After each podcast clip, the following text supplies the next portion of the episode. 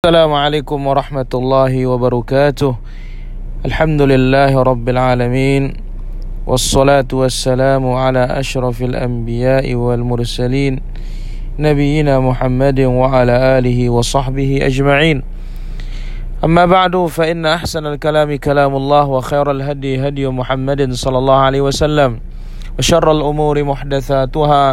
وكل محدثة بدعة وكل بدعة ضلالة وكل ضلالة في النار kaum muslimin dan muslimat rahimani wa rahimakumullah Kembali kita akan lanjutkan bahasan kita dari kitab Syarhus Sunnah oleh Al-Imam Al-Muzani rahimahullah Pada jumpa yang telah lalu kita sudah mengambil tentang ajal manusia Sekarang kita lanjutkan Thumma hum ba'da ad-dagtati fil quburi musa'alun Kemudian seorang hamba setelah dimasukkan ke dalam kuburnya dia akan dihempit dia akan dijepit kemudian akan ditanya.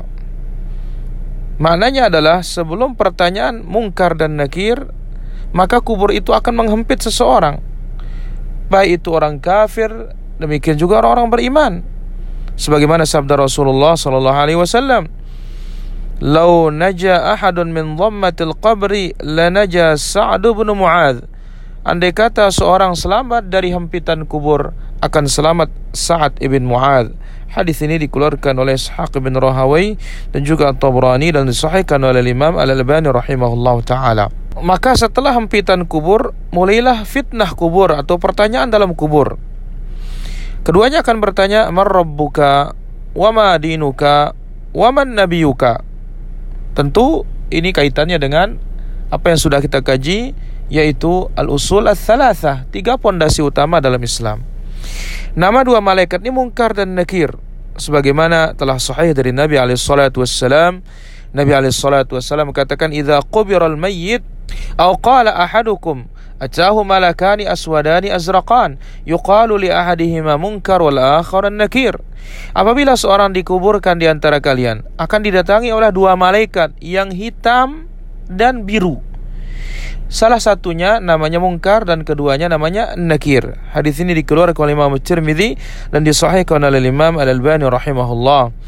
Kemudian juga Imam Ahmad rahimahullah mengatakan nu'minu bihadzal qabr wa bimunkarin wa nakir. Kita mengimani tentang kubur dan mungkar dan nakir. Dalil tentang fitnah kubur ini, ujian kubur inilah sabda Rasulullah sallallahu alaihi wasallam. Innal 'abda idza wudhi'a fi qabrihi wa tawalla anhu ashabuhu wa innahu la yasma'u qara'an 'alihim atahu malakani fayuqidanihi fayaqulani ma kunta taqulu fi hadzal rajul li Muhammadin sallallahu alaihi wasallam. Apabila seorang hamba diletakkan di kuburnya dan pengantarnya pulang, suara sandal mereka didengar oleh si mayit apabila mereka bergegas pulang. Lalu datanglah dua malaikat dan mendudukkannya. Keduanya bertanya, "Bagaimana pendapatmu tentang laki-laki ini?" yaitu Nabi Muhammad sallallahu alaihi wasallam. Fa mu'min fayaqul asyhadu annahu Abdullah wa rasuluh. Orang beriman akan mengatakan, Aku bersaksi dia adalah hamba Allah dan utusan Allah subhanahu wa ta'ala. Hadis ini sahih dikeluarkan oleh Imam Al-Bukhari. Demikian juga Al-Imam Muslim rahimahumullahu ta'ala. Kemudian, azab kubur ada dua macam. Yang pertama, azabun daimun mustamir. Ada azab yang terus menerus. Dan ini untuk orang-orang kafir sebagaimana firman Allah Azza wa Jalla tentang Firaun an-naru yu'raduna 'alaiha ghuduwan wa 'ashiyya api itu dinyalakan terus bagi mereka pagi dan sore. Kemudian yang kedua azabun munqati ala qadril ma'siyah. Azab yang terputus sesuai dengan jumlah maksiatnya. Dan ini tentunya untuk orang-orang yang maksiat dari umat Nabi Muhammad sallallahu alaihi wasallam sebagaimana dalam hadis yang diriwayatkan oleh Imam Al-Bukhari dan Muslim innahuma la yu'adzaban wa ma yu'adzaban fi kabir. Dua orang ini sedang disiksa dalam kuburnya. Dia disiksa bukan hal yang besar untuk ditinggalkan yaitu tentang an-namimah. Demikian juga orang yang tidak menjaga kotoran kencingnya. Nah azab dan nikmat kubur ini akan didapatkan oleh roh nyawa demikian juga akan didapatkan oleh badan dan mencakup nyawa dan badan tergantung dari amalannya.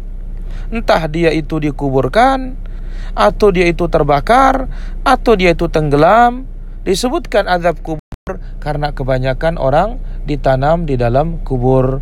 Wallahu taala ala walhamdulillahi rabbil alamin